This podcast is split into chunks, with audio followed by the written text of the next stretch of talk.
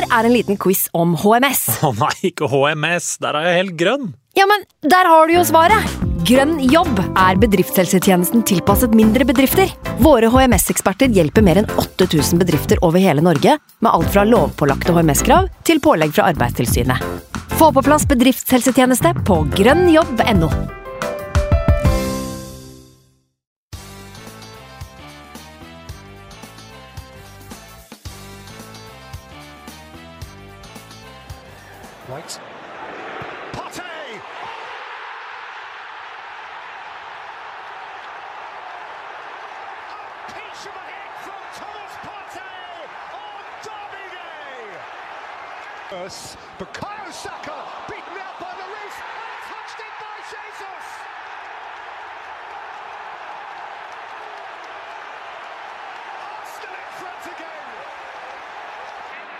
Martinelli and Granit Xhaka!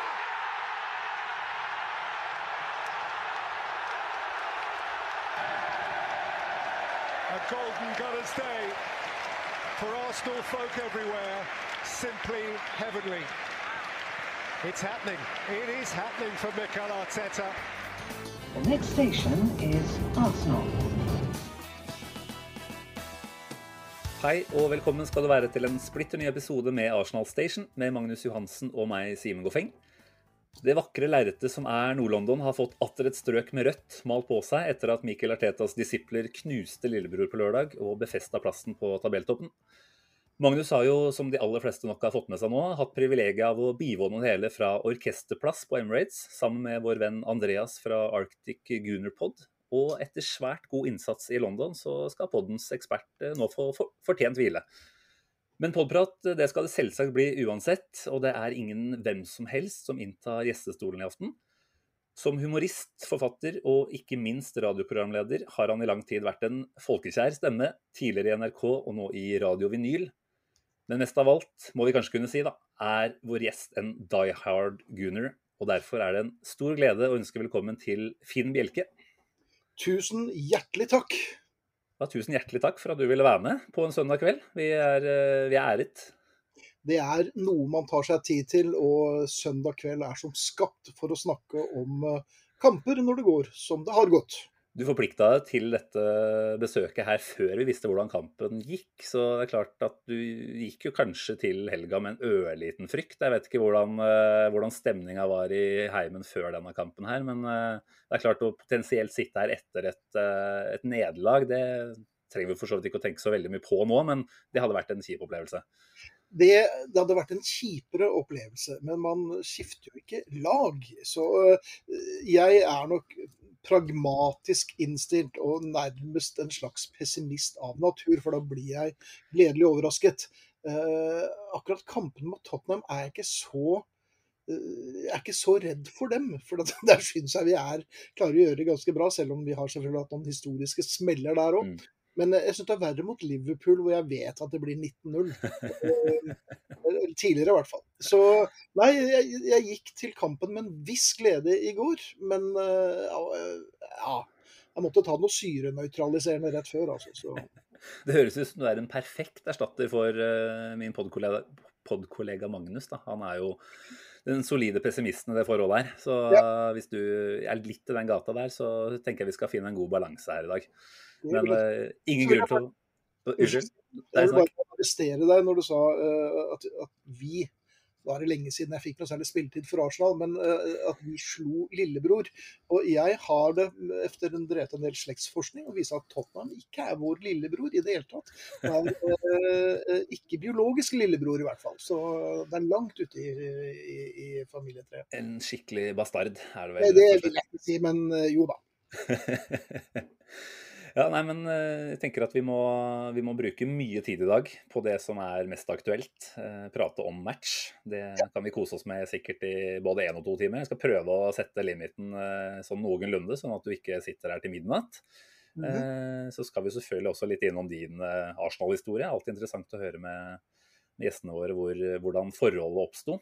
Men aller først så må vi bare nevne samarbeidet vårt med supporterklubben Arsenal Norway. Hvor vi nå har hatt et samarbeid over en del måneder. Eh, som vanlig til alle lyttere så oppfordrer vi jo dere til å melde dere inn i supporterklubben dersom dere ikke har gjort det allerede. Eh, mange solide fordeler ved det. Eh, får seks medlemsblader av The Gunners Post i løpet av en sesong. Du får 15% på fotballbutikk.no når du har lyst til å kjøpe en ny drakt. Og du får selvfølgelig også mulighet til å være med på fellesturer, arrangementer i regi av supporterklubben, søke på billetter til hjemmekamper og en del annet er det vel også oppi den godteposen der. Og til en nette sum av 250 kroner i året, så mener vi fortsatt at det er kanskje den beste investeringen du kan gjøre. Nå har ikke jeg stilt deg spørsmål i forkant, Finn, om du er medlem, men jeg Nei, jeg, jeg var. øh, men i en periode så var jeg medlem av det som var å oppdrive av Arsenal. øh, Klubber og foreninger ved siden av en del andre uh, musikkrelaterte greier. Så det er mulig at jeg er blitt en frafallen sønn, og det beklager jeg på det verste. På det mest inderlige uh, anbefaler alle å, å, å melde seg inn. Ja, takk for det. Nei, det. det, var ikke meninga å oute det her da. Men uh, alltid, alltid, rom for også de som har vært medlem, som ønsker å komme tilbake igjen. Det er, det er nok mange av de også. Uh, ja, du nevnte det så vidt her i stad. Altså, hvordan var nervene inn mot kampstart i går? Uh... Jeg tøffet meg litt da jeg snakket med deg innledningsvis. Jeg, selvfølgelig er jeg nervøs, men jeg er nervøs om vi møter Watford eller Bodø-Glimt eller hvem det måtte være. For jeg tror jo alltid at det går til helvete. Uh, innerst inne. Uh, altså Jeg koketterer litt med det, men, men, det er tryggere å gå inn med den fatalistiske holdningen 'dette går jo ikke'. Og, og i mange år så viste det seg at jeg fikk rett. Men, uh, men, men sånn som Arteta, etter at jeg så min, min, lys i mitt liv er også Arsenal-fan. relativt nybakt sånn. Og vi, hun skriker jo mer til TV-en enn meg, så det er befriende. Um, Nei, jeg var nervøs. Selvfølgelig er jeg nervøs. Det er North London Derby, og det Jeg har altfor mange dårlige, jeg vil ikke si venner, men bekjente som holder med, med Spurs. Og da uh, gruet jeg meg til en eventuell meldingsstorm etter kampen. Ja, for det er sånn at du får noen meldinger fra den gjengen der når de har muligheten, altså? Jeg har hemmelig telefonnummer, men folk finner meg på Twitter, og de finner meg på, på, på Facebook. Um, men noen av mine beste venner, et par av mine veldig veldig gode Lynvenner, er av en av merkelige merkelig grunn eh, Tottenham-supportere. Mm. Så det har vært litt anstrengt på, på, på Lynkampen. Arsenal og Tottenham møtes. Ja, Om det er Bislett eller hvor de spiller nå, så står dere der og, og ser Lynkamp, men diskuterer engelsk fotball samtidig, kanskje? Ja, jeg, jeg, tror det er ganske gjengs for mange supportere når de møtes på, på tribunen. De fleste av oss har jo ett lag her og ett i England. Mm. Så det er eh, røde og hvite drakter som er tingen, altså? Det er det, altså. Det er, eh, du må aldri holde med lag med blå drakter, i hvert fall. Det er det eneste jeg har lært. Nei, da sikter vi til uh, Datlot øst i Oslo, tenker jeg på. The ones that shan't be named. Den er grei. Da tar vi ikke noe mer om de. Men uh, ta og fortell litt da om, uh, om, historien din med Arsenal. Uh, som jeg sa før her vi gikk på lufta, du er en svoren fan, og du sier at du er en gammel fan. Det betyr at du har ja. et, et, forhold som går langt tilbake i tid.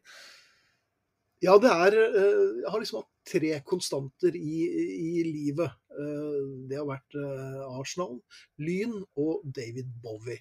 David Bowie er nok den som har skuffet minst, som jeg har sagt. Det ble Arsenal på meg og som, som for veldig mange andre, tror jeg, så er jo Fotball handler om geografi, i hvert fall i, i, i nasjonalfotball, og arv. Og jeg arvet Arsenal av faren min.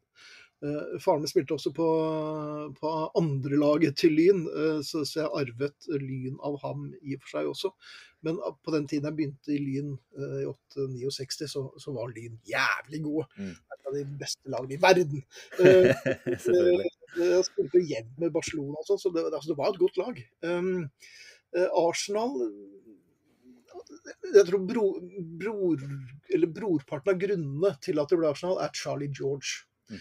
Eh, legendarisk eh, spiss. Langhåret. Jeg var jo ganske opptatt av musikk, i hvert fall i 71 og 70. Eh, og da han skåret i cupfinalen mot Liverpool, og det klassiske hvor han bare ble liggende på matta og se seg rundt litt sånn forundret og hoverende. Bare veldig vanskelig ansiktsuttrykk å tolke. tenkte jeg ja, sånn skal det være. Uh, og fra det målet, og da vi vant til double, faktisk, så, så har det vært Arsenal. Eh, selv om det til tider har vært usedvanlig tungt.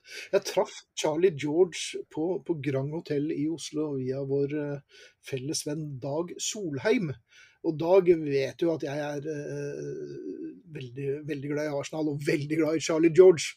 Så da hentet han Casino Steel og undertegnede, og så fikk vi lov til å møte Charlie George.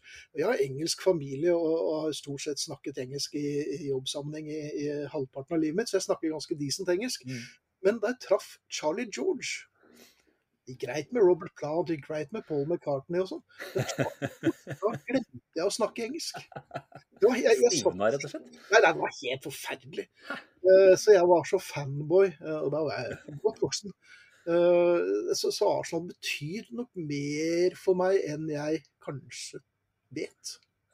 Ja, det er vel utrolig hvor dypt det stikker, uten at man egentlig klarer å, å vedkjenne seg det. Men man merker jo kanskje ja, nettopp i sånne type stunder som det der, da, hvor mye dette faktisk preger oss.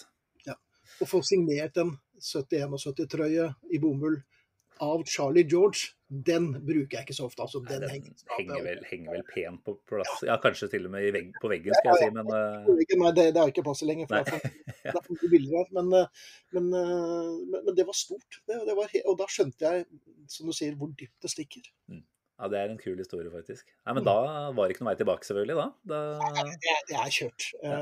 Men, men på godt og vondt. Ja, og- som, som jeg sa innledningsvis her nok en gang, at det er, det er, blant de konstantene så er det Lyn og Arsenal. òg. og har holdt med Lyn og Arsenal de siste ja, åtte-ti årene har vært eh, tungt til tider. Det har vært en ordentlig ørkenvandring både nasjonalt og internasjonalt. Så man lurer på hva det er man driver med.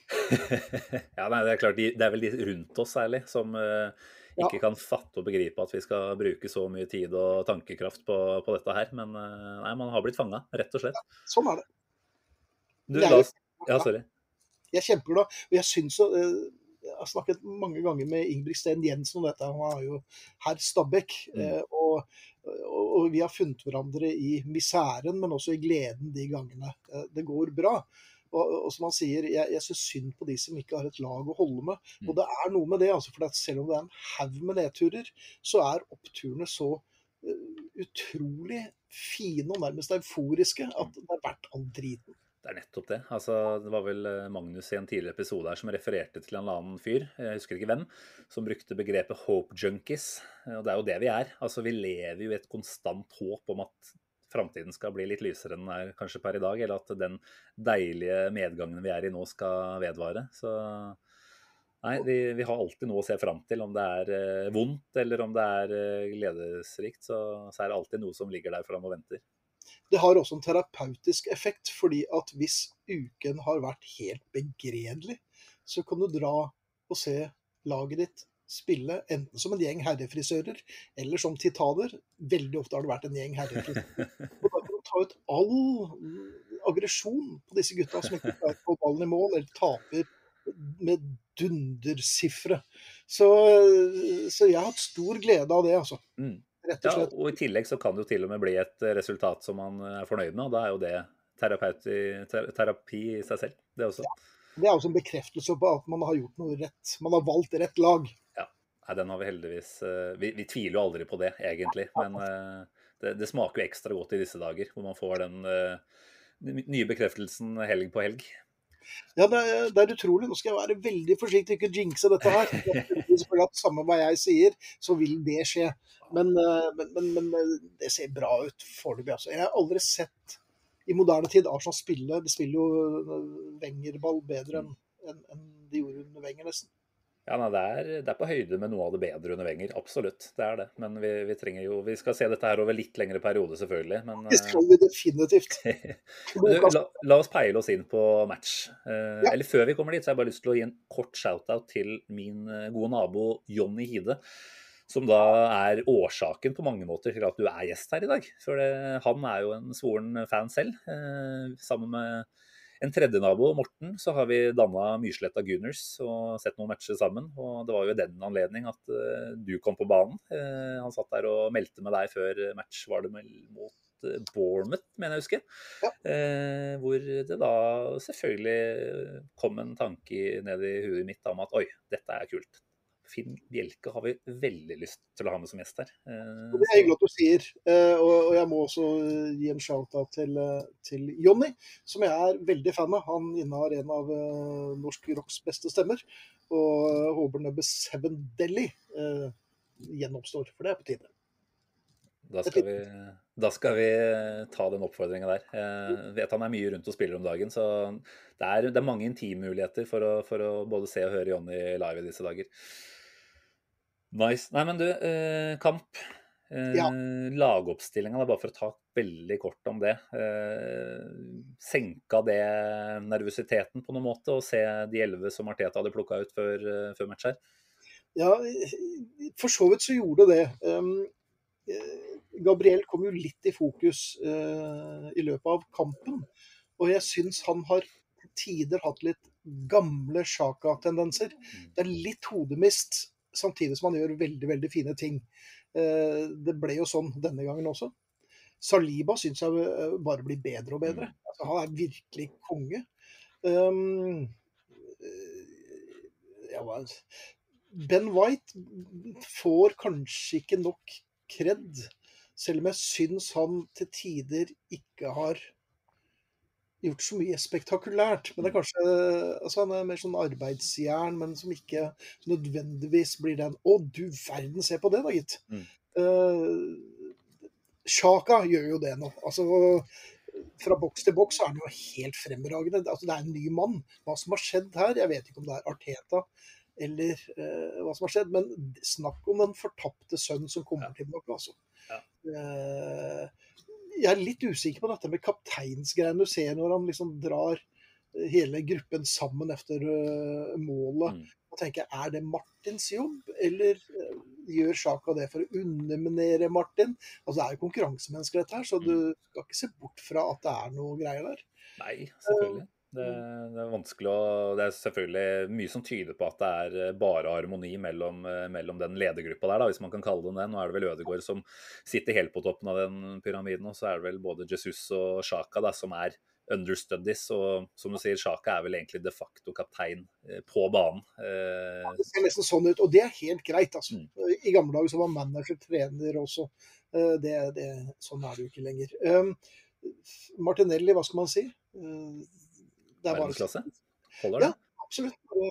Barama uh, og Jesus og, og, og Saka. Altså, det er, vi har jo en firer foran der som er så det holder. altså. Eller 3-1, da. Men um, Og så syns jeg Martin Ødegaard Jeg ser det er flere som har skrevet at han var dårlig i denne kampen. Eh, da syns jeg de må se kampen en gang til. For det, det kommer noen pasninger innimellom, og, og noe gjennombrudd s- som bare han får til. Og Mange ganger så ser du at Martin har en genial pasning. Problemet er at resten av laget ikke skjønner at den er genial. Mm. Uh, så det er ikke feilpasninger, det er bare en genial pasning som kommer litt for tidlig. Mm. Uh, syns jeg. Jeg kan ikke noe om fotball, altså, for jeg spilte på A-laget og var kjempedårlig. Uh, men, men jeg har sett mye fotball, og jeg må si at det jeg ser av Martin Ødegaard, gjør meg både eh, Jeg er imponert og litt stolt at de, at de roper på Martin, han skrotingen fra Drammen. Det er det er jo det er überstille. Ja, Du må ta et skritt tilbake iblant og, minner om at vi, vi snakker om Arsenal-kaptein i en alder av 23. Eh, altså For oss nordmenn så er det en drøm som går i oppfyllelse her. og Jeg lurer på om vi på en måte egentlig Den klassiske 'skjønner hvor stort det er' og alt dette her, men eh, det er jo grisestort. Eh, og han er jo kaptein for å bli det en del år, ikke sant. Så dette her er jo bare starten på en ganske svær eh, Arsenal-karriere for hans del. Og så, Ramsdale i mål gjør jobben sin som, som alltid. Mm. Jeg liker Ramsdale, jeg liker uh, passion hans. Uh, og du ser at det går innpå han, både når det går bra og når det går dårlig. Eh, det liker jeg. Det har ikke alltid vært sånn eh, hos alle Arsenal-spillere. Og så Thomas Party, som eh, er Thomas Party på godt og vondt. Mest på godt i det siste, heldigvis. Jeg syns han har vært god. Så eh, mitt svar til ditt spørsmål om lagoppstilling Jo takk, ikke så verst. Nei, det var, det var ikke så veldig mange usikkerhetsmomenter rundt det. Altså, det var vel kanskje bare venstreback-posisjonen vi var egentlig ordentlig tvilende til. Altså hva slags type kampbilde er det Arteta ser for seg? og jeg personlig trodde kanskje Tini skulle få fortsette, litt med tanke på at uh, han nå har spilt mest. Mm. men så selvfølgelig han hadde denne hodeskaden i landslagspausen, og vanskelig å si om den har prega han i treningsuka som har vært. Da. Men jeg syns også det er oppløftende at man går ut med en Zinchenko bare tydeliggjør at dette er en kamp hvor vi skal dominere og være tro mot våre prinsipper og spille vårt offensive spill. Da. Så er jeg helt på jorden og sier at Zinchenko var Eh, var god, men ikke noe sånn outstanding i denne kampen. Jeg, eh, han gjorde ikke noen umiddelbare feil, men jeg har sett ham bedre før. Ja. Ja, litt, kanskje, jeg vet ikke. Ja, nei, altså Jeg syns ikke verken han eller Ødegaard hadde noen sånne fantastiske kamper. Men, men jeg tror at Zinchenko muliggjør Sjaka-rollen, eh, eller den måten Sjaka utøver sin rolle på per i dag. da, Hvor han er så mye mer offensivt. Så det er jo den dynamikken han er med på å skape, da, som han er en viktig del av. Men, jeg, eh, jeg, leser jo en del eh, på nettet, eh, fansider og sånn for Arsenal, og folk som er rasende på lagoppstilling. Sier hvorfor spiller han istedenfor han, og det er helt mm. idiotisk. tenker jeg, hvor tjukke i huet går an å bli? Så hvor jævla dum og moron er du når du sitter og så vidt klarer å skille mellom uh, bokstavene på tastaturet? For å fortelle Arteta, som ser disse gutta på treningsfeltet hver dag, hvem han bør plukke? Yes. Det, altså, det, er jo ingen som er dummere enn oss fotballfans, altså. Nei. Det er helt fascinerende. Og mangel på selvinnsikt er jo selvfølgelig da i en skjønn forening der. Så nei, vi, vi, skal nok eh, i større og større grad nå lære oss til å bare ha full tillit til at Arteta veit så utrolig mye bedre enn det vi noen gang kommer til å gjøre. Helt åpenbart, av de grunnene som du sier her. Han, han står og ser den gjengen her på feltet dag etter dag, og da, da er det ikke noe tvil.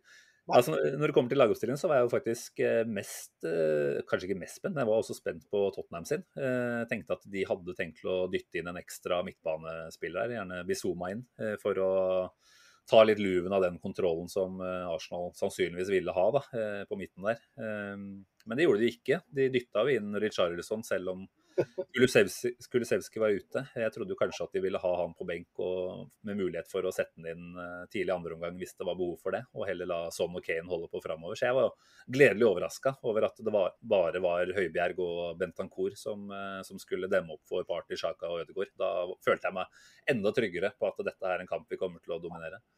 Nå skal det også sies, jeg, må, jeg syns jo at Tottenham klarte seg bra i forsvar eh, i lange tider. Eh, og Det var interessant å se den gamle Flo-pasningen komme til eh, heder og verdighet igjen. Det var liksom uh, kompakt bak, og så var det bare kline til fremover. Um, Tottenham har jo vært mer finspillende før enn det Arsenal lot dem få lov til å være i går. Mm. Ja da, nå har ikke jeg sett alle Tottenham, eller jeg har ikke sett mange av Tottenhams eh, kamper denne sesongen her, men det er klart at de har jo mer offensivt å by på egentlig enn det de fikk vist her. Så om det var at vi rett og slett spilte dem såpass lave, eller om Conte hadde en så defensiv, kall det Burnley-ish eh, inngang til den kampen her, det er litt vanskelig å si. Men uh, at de var så lite ute etter å, å ja, være på ball og de kom jo ikke vel... Jo, de hadde noen ganger framover selvfølgelig hvor de kom, eh, kom skummelt der, men uh, følte jo innerst inne at vi hadde mye god kontroll kampen igjennom. Men jeg tror også vi skal gi kudos til, eh, hvis man sier det lenger, til, til Emirates og, mm. og, fansen. For det er sjelden jeg har hørt en stemning som det har vært på de siste kampene på mm. Emirates. Uh, og du hører det går så kollektivt gledessukk gjennom hele stadion når, eh, når, det kommer en krempasning eller vi putter eller Jeg har en engelsk kamerat som bor rett over gaten her på Majorstuen. Uh, han er guner på sin hals, så vi, vi, sitter og bander på engelsk og norsk sammen hver gang det er kamp. Og han var på Emirates i går. og Han sa jeg har ikke, jeg har ikke hørt på maken. Hele Emirates mm. bare står og dundrer. Mm. Lucky bastard. Det var, flere, det var flere, av de, altså. Det, Magnus som sagt var jo også der og kunne rapportere om en helt ekstrem stemning. Altså, han har vært på en del matcher opp igjennom, han og bodd der en sesong. Eh, og dette her var eh, Det toppa vel egentlig det meste. Så... Men jeg tror da også at Emrys var rett og slett som klisjeen tolvte mann. Jeg, jeg, tror Tottenham rett og slett ble litt Folk har til Emirates tidligere og bare ledd at det ble lett match, og så er det bare eh, spasert over Arsenal. Mm. Det, den tiden er over uh, for tiden. Så jeg, uh, jeg, jeg tror det skal bli tøffere og tøffere å møte Arsenal på hjemmebane. Vi gikk ut uh, fra start og var vel egentlig der vi ville forvente å være. Altså Intense, pressa høyt. Eh, kom jo til et par bra halvfarligheter ganske kjapt der, med Sjaka sånn hælflikkvariant og Martinelli som faktisk skyter i stanga her, vel. Eh, men får jo ikke den tidlige skåringa da. og Faktisk er det jo Tottenham som egentlig kan ta ledelsen når de får frispark. Eh, midt på, på vår banehalvdel. Og um, det er vel Richarlison som til slutt får den muligheten, da, etter at han har blitt eh, flikka videre av en eller annen, spiller der. Eh, Ramsdale med en kjemperedning, faktisk. Eh, jeg trodde først at det skulle være offside, men eh, prøvde å stoppe video på ulike tidspunkt, og det ser ut som at den faktisk ville blitt stående om den hadde gått inn der. Så Jeg bare, jeg si, men det var offside. Det var offside. Ja, så jeg hadde Greit. Ingen fare. Ingen fare. Nei, men jeg tenker Ramsdale hadde ikke veldig mye å gjøre, men eh, den der eh, var jo viktig, og helt åpenbart. Men jeg sy- syns vel også at um, Arsenal skal ha all ære for kampen i går. Det, det funket i alle ledd. Og um, det jeg har vært redd for et par ganger, er når Arsenal får så mange sjanser som ikke resulterer i mål. Mm. Tidligere så har det blitt litt sånn duknakket, um, krumrygget uh, ja, uh, hangdogs. Men så nå bare gyver de på til det blir mål. Mm. Og det er det er annerledes nå, syns jeg. Mm. Og det at de kommer tilbake etter mål mot. Ja, ikke minst. Men la oss ta, la oss ta det første målet litt, da. Fordi det var jo faktisk en eh, en, en scoring for historiebøkene, må vi kunne si. Nå har Thomas Party vært i Arsenal det er vel, Han er på tredje sesongen, eh, vært der et par år. Skutt hvor mange ganger fra utenfor 16? Eh, Og hvor mange ganger har den havna langt opp på seteradene opp på enten Clockend eller Northbank? Ja. Altså, på lørdagen så satt den, da. Altså, kanskje viktigste matchen du kan få scoring i, og så, så setter han der. Det er vel Hva var det? Jeg så en eller annen stat på det, skjønner du. Han hadde vel faktisk nå eh, Skal vi se. Han hadde 65 forsøk eh, fra utenfor boksen eh, før den endelig gikk inn, da. Ja. Eh, bare for å få med seg statistikken her også. Eh, Men det, til, det tilslaget han har med innsiden av foten, er eh, ja, I går var det bare guddommelig. Det, det, det finnes en fotballgud, og han eh, så kampen i går. Ben White, som da, bare for å ta med det, hadde assisten, eh, gjør faktisk at alle utspillerne på Arsenal som starta i går, har hatt uh, målpoeng nå Poeng, ja. uh, i den sesongen her til nå. Da kan vi vel begynne å snakke om totalfotball. Ja. Arteta-ball, som vi også liker å kalle det, det. Det begynner å se veldig bra ut nå. Det gjør det. Uh, Men du er inne på det. Eh, Spurs kommer tilbake. Eh, Kanskje ikke overraskende, måten det skjer på. Eh, Arsenal er ikke helt i balanse bakover. Sånn slipper vel ballen ut til Richarlison, eh, og det ser ut som det egentlig skal dø litt ut. Men så klarer vi jo på litt sånn typisk Arsenal-vis å knote det til og ja, bare ikke klarere den jævla ballen. Ikke sant? Vi ender opp med å spille oss inn i mer trøbbel, og så må det være lov å nevne Gabriel som du gjorde tidligere her. Eh, han mister huet litt iblant. Eh, veldig mye positivt å si om han, men, eh, men det her begynner å bli en uh, gjentagende sak. da. Eh, Lite behov egentlig for å gå ned og takle, og i hvert fall fra den eh, posisjonen han er i forhold til Richarlison der. Eh, ja.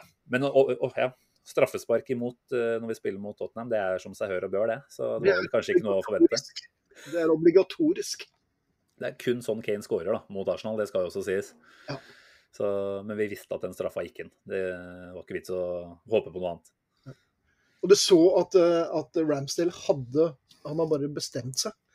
Eh, og det er klart Hadde han tatt den straffen, så hadde han jo vært uh, hugget inn i sten uh, utenfor Emirates. altså. Han får flere muligheter. Det kan Han får flere muligheter. Nei, men eh, 1-1 til pause, det føles jo ikke ut som vi har fått godt betalt. Det gjør ikke det. Hvordan tenker du Arteta kjører teamtalk da, etter hva vi har sett av han i garderoben nå? Tenker du han er misfornøyd, eller tenker du at han bare ber laget på, om å kjøre på videre? Jeg tror han er fornøyd. jeg. Altså, det blir helt absurd å sitte og snakke om, et, om noe jeg ikke har vært til stede på. Vidt. Eh, Jeg, jeg, jeg tipper han sier at 'let's go out and fogging win this', um, som han har gjort gjennom hele serien, Mm. uh, sett på, på Prime. Um, det er ikke så mye å sette fingeren på etter første omgang, syns jeg, som trener. Jeg har jo, som du sikkert vet, trent Lyn jenter 14 uh, i et par sesonger. så, Du så snakker kan- fra et sted med erfaring. ja, ja, dette er jo Du snakker med ekspertise. Um, Jeg vet ikke helt hva han skulle sett satt fingeren på.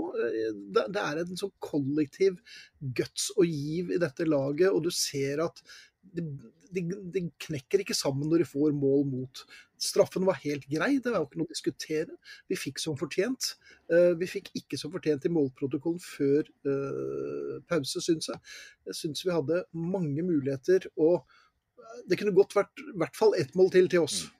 Absolutt. Synes Det er jo veldig deilig da, når det ikke tar mer enn hva er tre minutter eller noe sånt fra vi går ut etter pausen og legger jo trykk på dem, som vi gjorde i første gang. Altså Vi går ut og, og starter hardt. uh, Og jeg tror vel vi er laget som skårer flest mål i det første kvarteret etter pause. Mm. Så det begynner å bli en gjentagende greie, det. Eh, Saka som får ballen ut på høyresiden. Jeg syns vi skal nevne han. Eh, han var jo også Ja, kjempekamp. Yes. Eh, Med mål og, og sånn. Han, han så Han binder opp to mann. De, de putta jo to mann på han hver gang han kom på høyresiden. Ja, ja, men altså i forkant av første mål, ikke sant? Han, som du sier, binder opp to. Gjør at Ben White får god tid til å slå en fin pasning til Party, som da ikke har press på seg og kan legge den opp i, opp i hjørnet. Og i forkant av 2-1 så er det jo egentlig Saka som, som skaper hele situasjonen. Og så må vi jo selvfølgelig si tusen takk til Hugo Loris, som eh, var i det gavmilde hjørnet. Og ikke minst til Christian Romero, som jo faktisk ender opp med å gi målgivende til eh, Jesus der, da. Så Jesus som jakter, er på, på enden av det meste, egentlig. Eh, Det er deilig å se en sånn type spiss, er det ikke det? Jo, eh, og det er deilig å se en sånn type spiss i Arsenal-drakt. Det var det jeg sikta til. For vi har ikke vært veldig forspent med den slags fyrer med killerinstinkt. Mm. Eh, Laka og Abomayang Mm. hadde jo eh, definitivt tilløp og gjorde jo noen helt fab- fabelaktige greier. Men, men det er en eller annen sånn consistency med Jesus som jeg eh, Jeg er bare veldig glad for at han kom til Arsenal.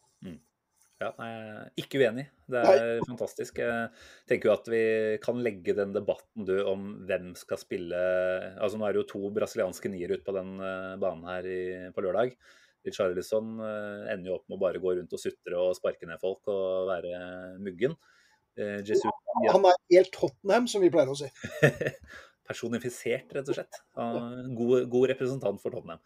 Eh, Jeg tenker at Jesus har den eh, Brasil-plassen eh, langt ned i lomma. Det var jo mange som nå begynte å snakke om at Richarlison kommer til å utanke han i den Brasil-troppen. Det tviler jeg på, men selvfølgelig, det, det er jo en annen sak. Men jeg tror Jesus er ganske trygg på at han, om ikke starter, så i hvert fall er en ganske vesentlig del av Brasil-troppen når vi kommer dit. Så lenge jeg, Han må gjerne spille for Brasil. Jeg gir blaffen i det brasilianske landslaget. Jeg. Altså, det betyr at vår mann kan få hvile og trene godt. Da er det bare å la Richarlison spille der. Ja, for så vidt. Det er noen uh... Jeg heier på Arsenal, jeg heier ikke på Brasil. Nei. Nei, vi trenger ikke å snakke så mye om Brasil. Eh, resten av andre omgang så er det jo Jeg syns vi har full kontroll. Eh, den blir jo bare enda større etter at eh, Emerson Royal er totalt idiot. Og eh, altså, jeg kan ikke fatte og begripe at det en gang var en diskusjon om det skulle være rødt kort. Eh, Det var jo han TV-duden som sier at han snubler i gresset. Ja. Jeg faen hakke meg dit. Det går ikke an, altså. Hvor blind går han å være? Hvor store Tottenham-briller kan du ha på deg? Han snublet jo ikke i gresset, altså. Nei, jeg, jeg lurte litt på den der, for det var jo da ekspertkommentatoren på Viaplay som sto hardnakka på at dette var ikke noe rødt kort. I verste fall så et gult. Rødt var strengt.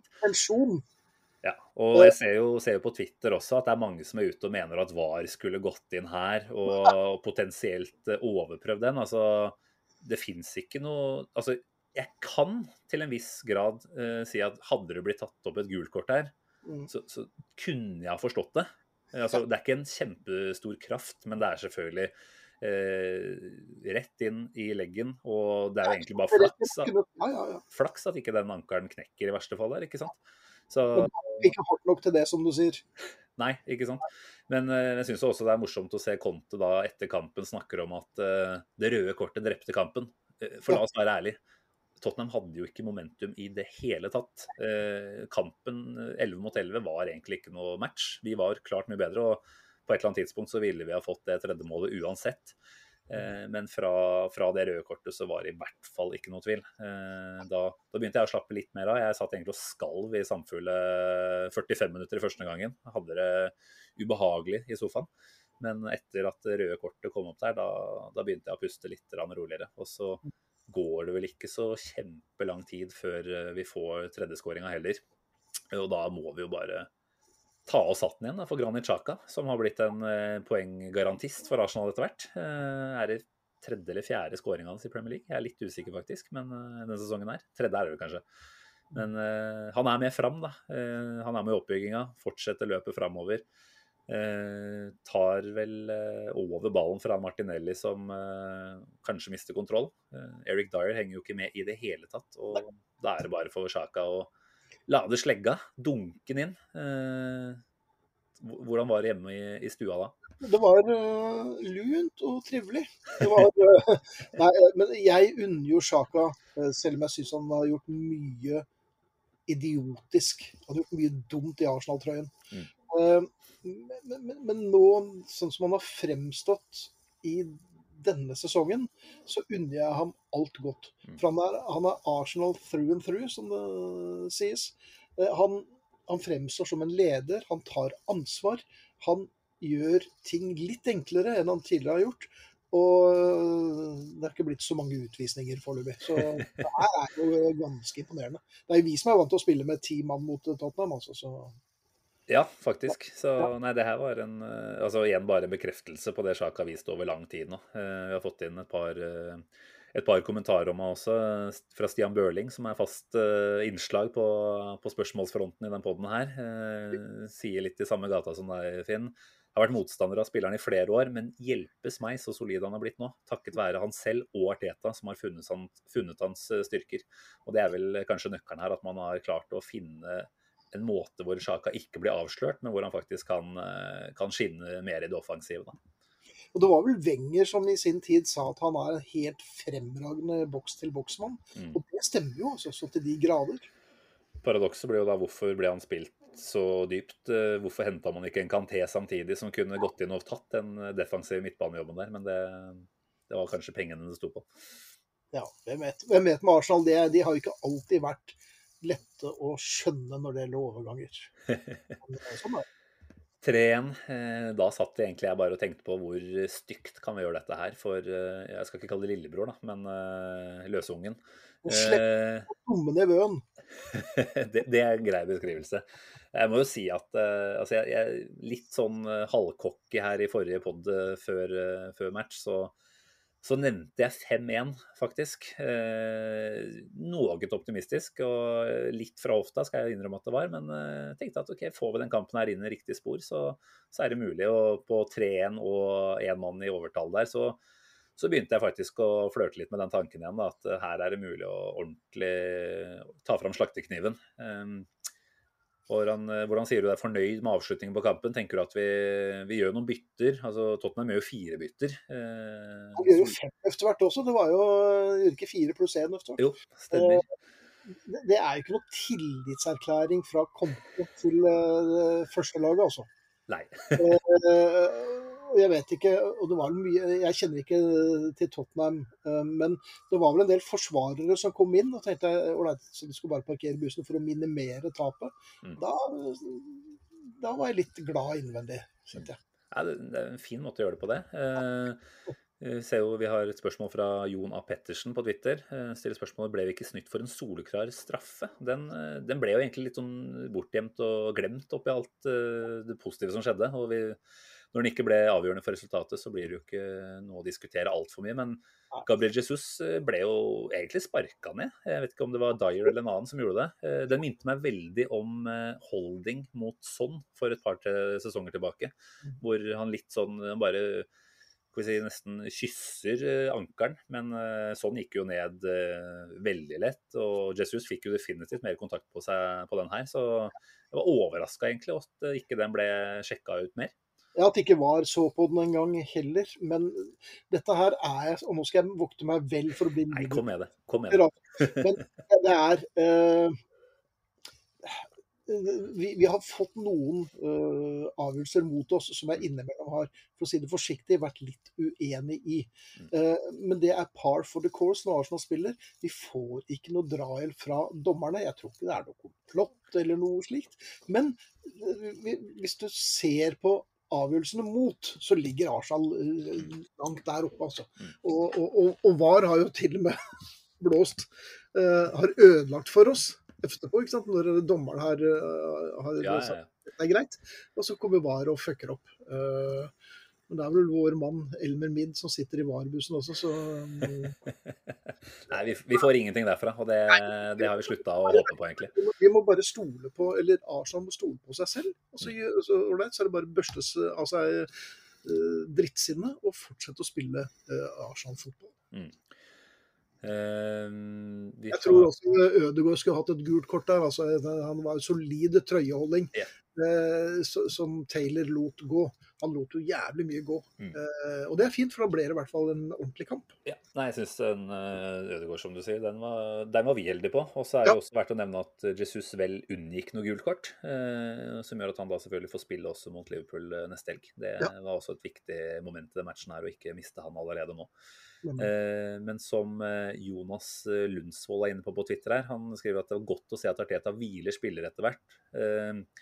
Det er jo en ting vi har snakka en del om når det kommer til dette. Han har kjørt noen spillere kanskje litt vel hardt. Og ikke alltid hatt kampbildene som tillater han å ta ut førstevalgene sine. Men jeg var glad for at han f.eks. med en party da, er litt føre var og tar den vel ut etter 70 ca.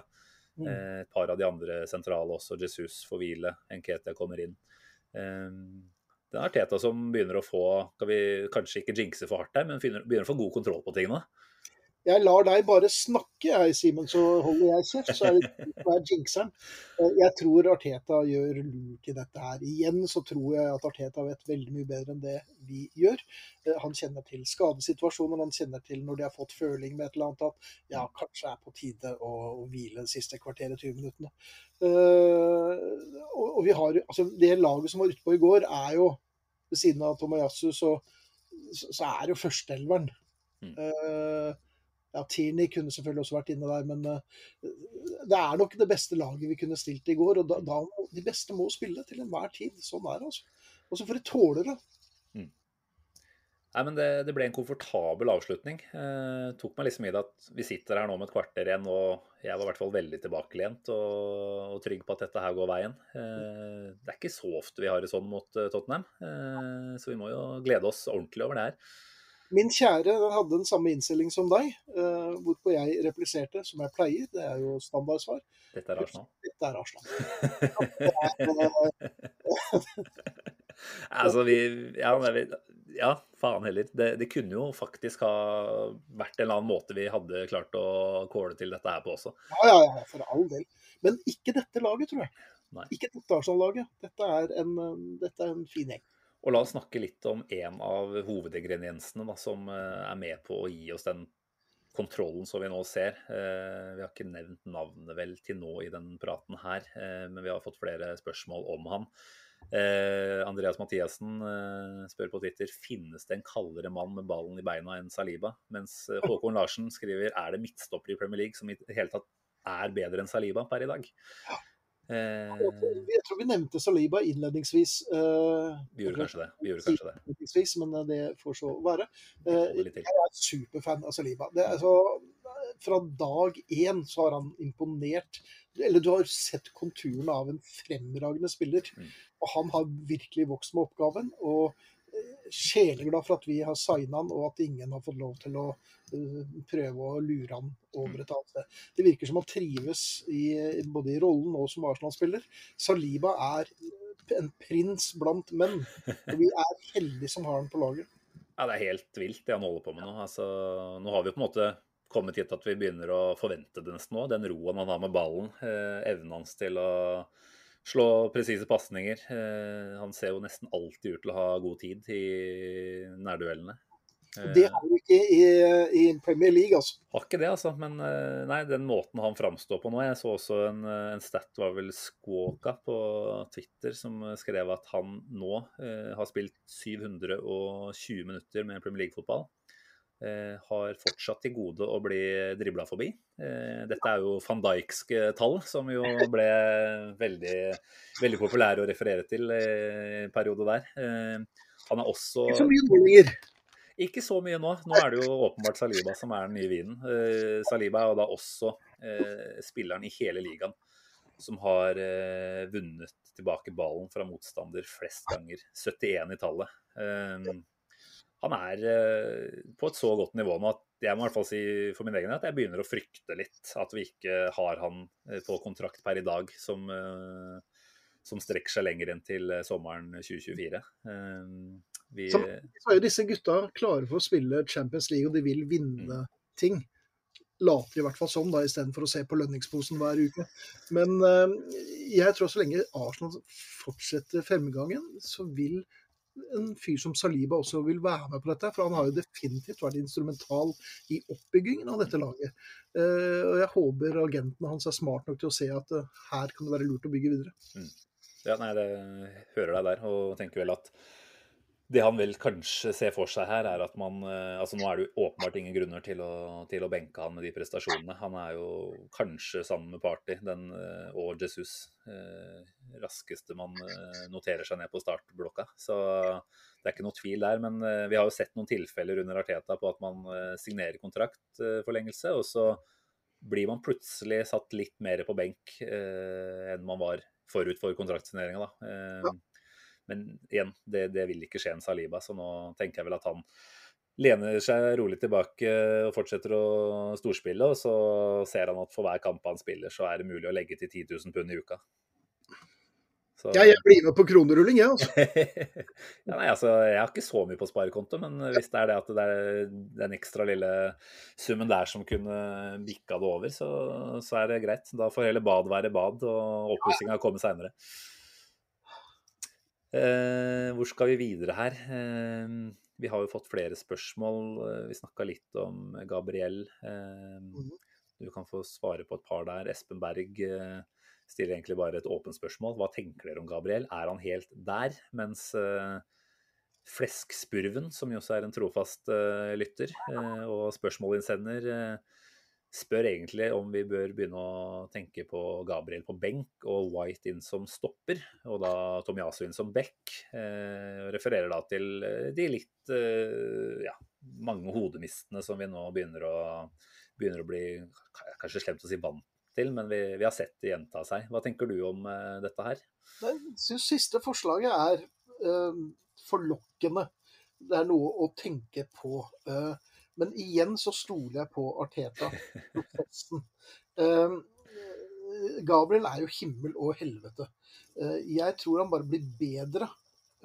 men han er nødt til å riste av seg og Der tror jeg også han får hjelp av kollektivet se hvordan de hele tiden støtter hverandre og backer hverandre. Der tror jeg Martin er ganske sentral. Mm. Um, ja, disse hodemissene kommer til å De kommer ikke så hyppig, tror jeg. Eh, jeg er villig Eller jeg er villig, nå skal du høre. Jeg syns vi skal gi eh, Gabriel en sjanse eller to til. Eh, og hvis, vi ikke, og hvis jeg ser et mønster som er litt annerledes enn det der hodemistene som har vært, så Jeg liker ham som spiller. Mm jeg syns han har en, en, myndighet innimellom der som er prisverdig. Mm. Men altså, det, det, er som folket sier på Twitter, at det er jo mye rart. Det er litt rart, men han har en venstrefot, og den kan det vel tyde på at Arteta er veldig glad i å bruke på venstre stoppeplass. Og da har han jo en forskjell der. Ja, Det hender at Arsenal scorer med venstrefoten, gjør ikke det? Jo, det var det en rekke på sju eller noe sånt her før, eh, før den ble brutt, hvor det bare var venstreskåringer. Stemmer det. Mm. Nei da, men alt i alt så var dette her en match hvor vi hadde Ja, det var bare en sann glede, rett og slett. Én eh, ting er liksom å sette inn i konteksten. Vi, vi er eh, på tabelltopp forut for matchen. Vi legger Tottenham fire poeng bak oss, men eh, kampen i seg selv eh, er jo den Det er, det er en karamell å, å, suge godt og lenge på nå. For det, det var jo litt prat da, kan du si, i forkant, hvor noen såkalte eksperter var ute og snakka om at Arsenal er allerede oppe og toucher taket sitt, mm. mens Tottenham har jo fått gode resultater til tross for at de ikke har spilt spesielt bra. Eh, så har vel både Magnus og jeg i den eh, poden her prata om at eh, taket til Tottenham ikke er så veldig høyt, kanskje. Altså de har sin noe begrensede måte å spille fotball på, og den tar dem til en del resultater. Mens Arsenal jo har vist prov på kjempe, kan vi si, avansert angrepsspill, egentlig. Da. Og det er sannsynligvis mer i vente. så til tross for alt dette her, så syns jeg Arsenal egentlig spiller en god kamp, men ikke en fantastisk kamp. Altså en sånn solid gjennomføring. Og allikevel så holder de massevis da, til, å, til å kontrollere inn mot Tottenham. Er, det er liksom noe tvil i dine øyne om hvem av disse lagene som er, eh, er, det beste, og bør være det beste gjennom sesongen? Nei, mann for mann på, med de to lagoppstillingene vi hadde i går, så, så, er det jo ingen tvil om at Arsenal er det beste laget.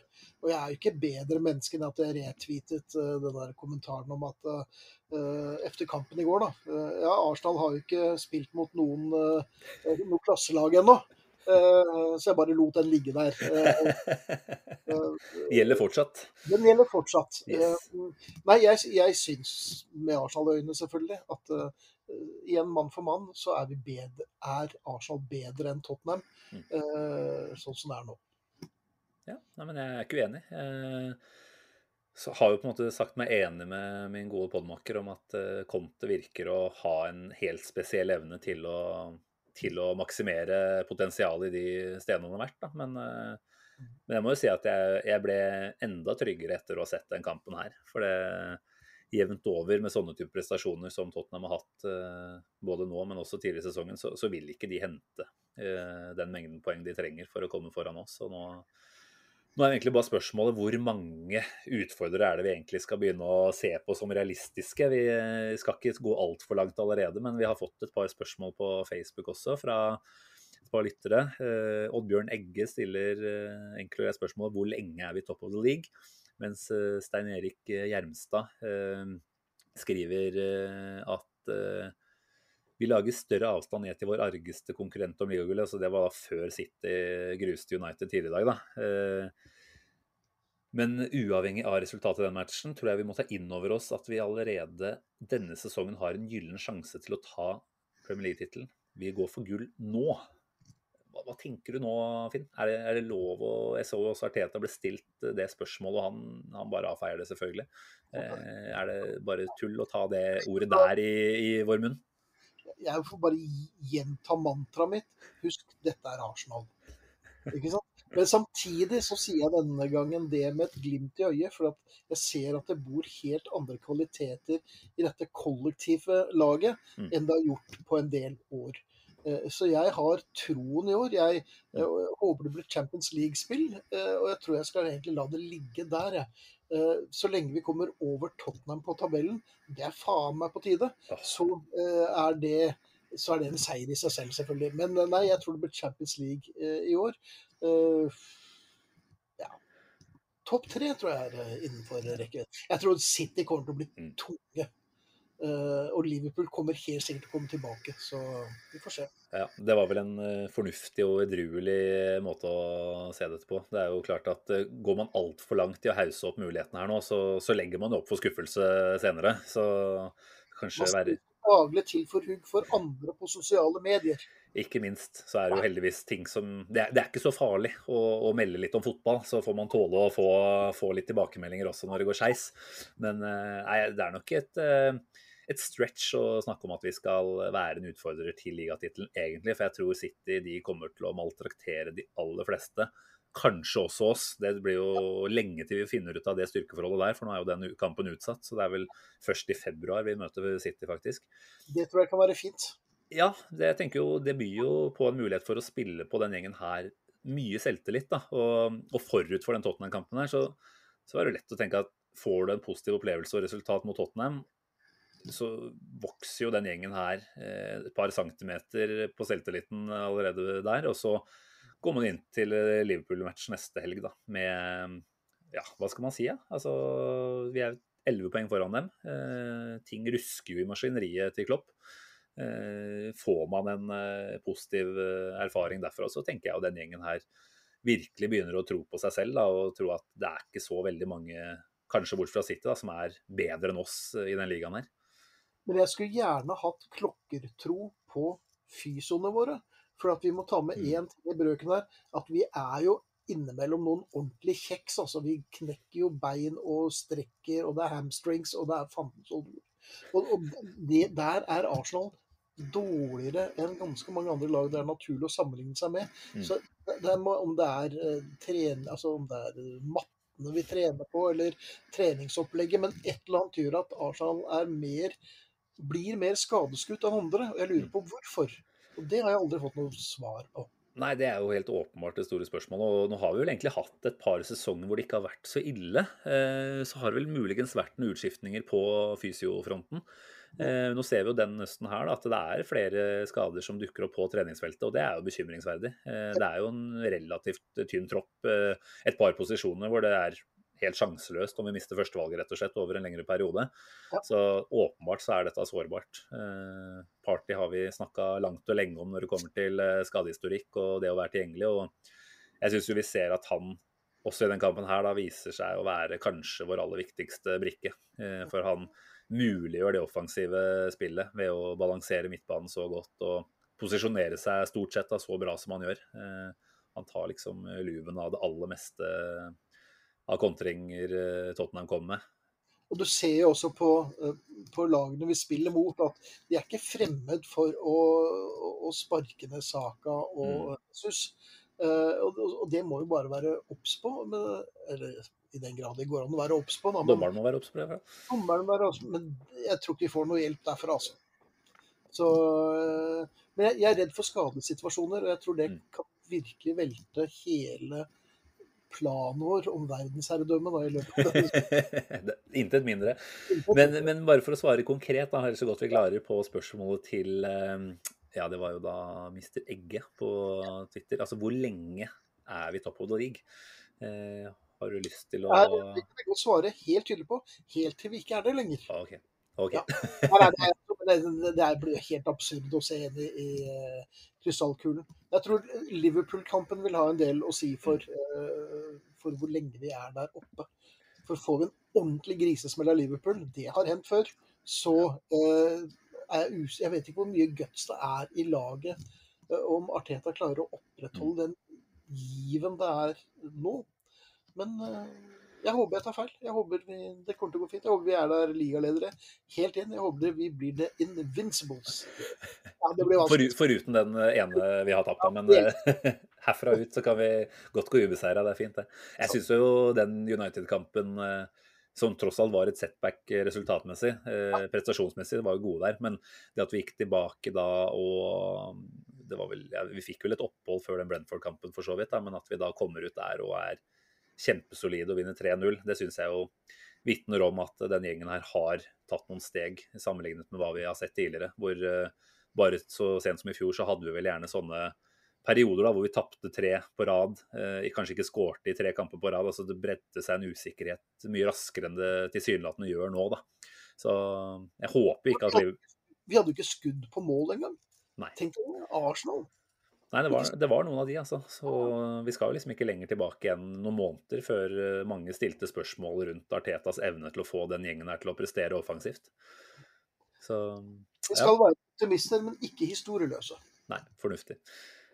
Eh, nei, men da har vi jo for så vidt eh, toucha innom det meste av eh, kamprelatert, tror jeg. Og på spørsmål så begynner vi å jobbe oss eh, sakte, men sikkert gjennom her. Men vi har fått et eh, spørsmål som er litt sånn utenfor, som vi også kan uh, ta med. Uh, Jona Pettersen uh, føler at det ligger en liten historie her, kanskje.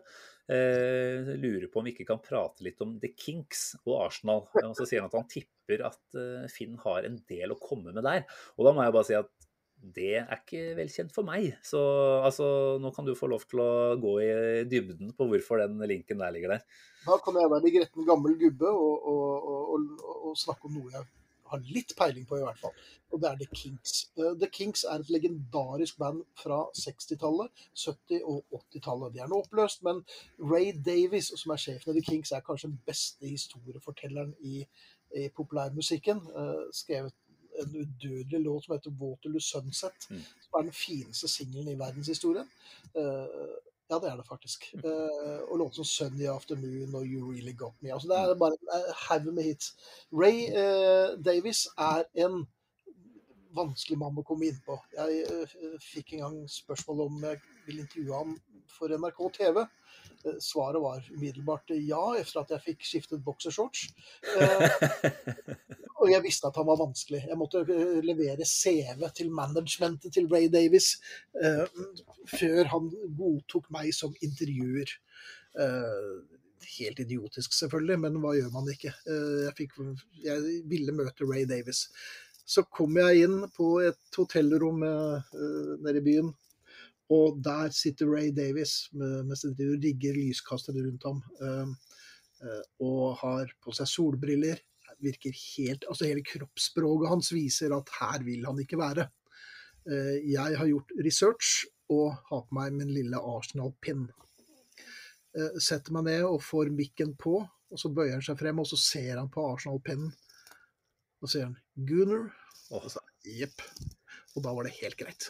Og da gjorde jeg et helt fremragende, og det var ikke bare min fortjeneste, altså, men det ble et normalt TV-intervju med Ray Davis.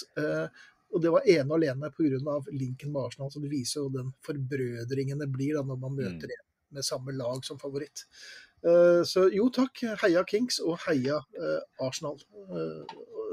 ja, den er nydelig. Ja, det, det, det, var, det, var, ganske svært, det. altså. Det var nesten Charlie George-stuk over.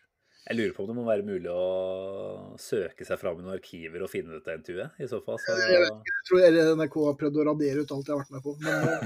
det er en annen historie. Vi kan godt ta den også, altså, hvis du har lyst til det. Nei, den er kul. Eh, det er imponerende av eh, Jon Hermansen. altså ja, det er bra. Jeg eh, har selvfølgelig hørt om The Kings, og en del av de låtene du ramser opp her, er jo helt nydelige. Men ja. akkurat den linken der, den var ny for meg. Og vi veit jo at det finnes mange Arsenal-supportere ute blant eh, kjendisene og artistene. Så at de dukker opp her og der, det, det er jo ikke overraskende. Men veldig kult da, når du faktisk har den, eh, det møtet der på CV-en i tillegg. Ja. Ja, men Det er rått. Eh, hva føler du, Finn? Er det, er det mer eh, Arsenal-relatert du har på hjertet her, før vi skal eh, pakke sammen og, og, og logge av? Nei, jeg har, som jeg sa da du kontaktet meg, jeg har ikke noe leksikal tilnærming til Arsenal. Det, er, det er sånn groundhog day hver gang jeg ser Arsenal. Og hvem er det som spiller nå? De draktene kjenner jeg igjen. Så jeg husker jo ingenting fra 80-, 90-tallet eller 70-tallet, for den saks skyld. Eh, men jeg er nok flinkere med lagoppstillingen fra 71 enn lagoppstillingen fra 94. Ja. Um, så minnet er jo ikke sånn det en gang var. Det var vel aldri sånn den gang heller. Men uh, jeg er bare veldig, veldig glad i Arsenal. Og, jeg, og, alle kan ikke gå rundt og heie på Liverpool og Manchester United, altså. Så det er litt som å være mot, litt motstrøms, og det passer meg utmerket. Litt sånn underdog. Ja, og nå er det vel folk som vil mene at vi ikke er underdog eh, noe særlig lenger denne sesongen her heller. Nå, er vi, nå er vi blant favorittene, så Nå er vi toppdog, og det er helt fremragende. Selvfølgelig har Arsenal nok eh, sølvtøy i skapet. Vi kan jo bare skjele over til motstander i går og se litt på skapet der. Jeg tror ikke de har noe skap engang. Nei, de har vel ikke giddet å tatt seg bryet med å sette opp det engang. Det... um, nei, jeg er bare sjeleglad for at det ble Arsenal på meg. Selv om det, gud hjelpe meg, har vært tungt noen ganger. Arsenal og Charlie George, der har du kjærligheten for livet. Ja, sånn er det. Kan du stille deg til veggs da, og spørre om du har en uh, drømmeelver sånn opp gjennom din uh, Arsenal-supporterkarriere? Har du Nå blir det jo helt på sparket her, da. Jeg har ikke bedt deg om å klargjøre noe der. Har du en uh, Nei. Nei, er, nei, svaret er nei, for jeg, jeg, jeg, husker ikke nok. Det er tre venstrebekker og åtte spisser. Eh, men Frank McLintock måtte nok ha vært med. Ja. Så, ja. Vi kan, vi kan, gå for den enkle varianten og si at det er flere av dagens uh, som kan få lov til å finne plass der, og så døtter vi inn litt Charlie George og Frank McLintock, så begynner vi å nærme oss noe. Ja da, men det, det, det, er dårlig gjort. og Det blir å sammenligne pære med epler. Det, det, er en helt annen fotball nå enn det var for 40 år siden. Yes. Nei, er, jeg nyter i hvert fall om dagen.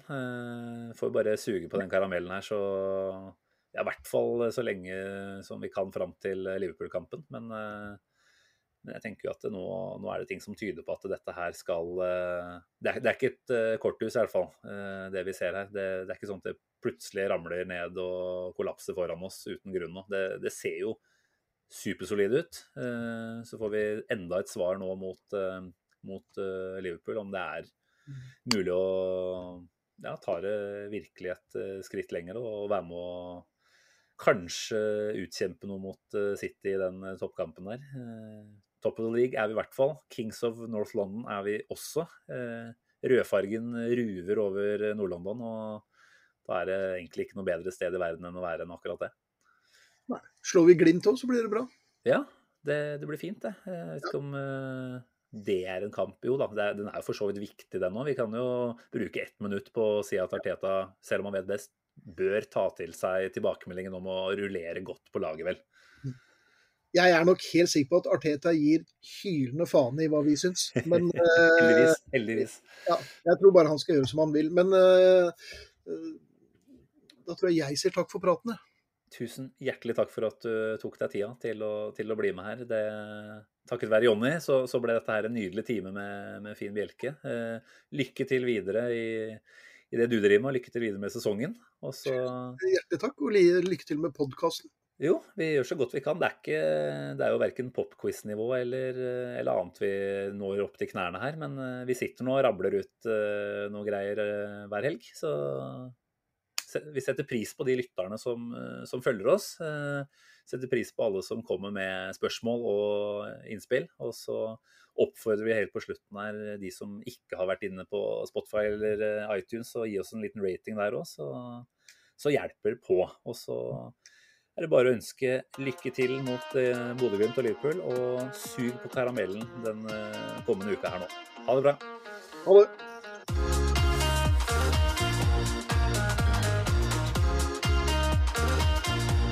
This train terminates here.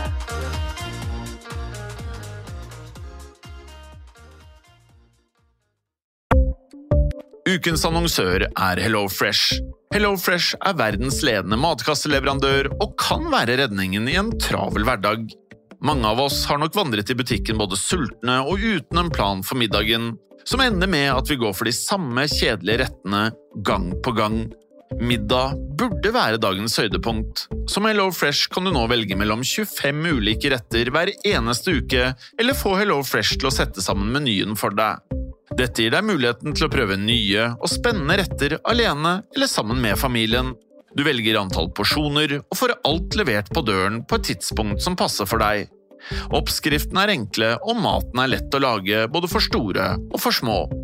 Ved å få alt levert hjem får du også mer tid til å dele matgleden med familie og venner.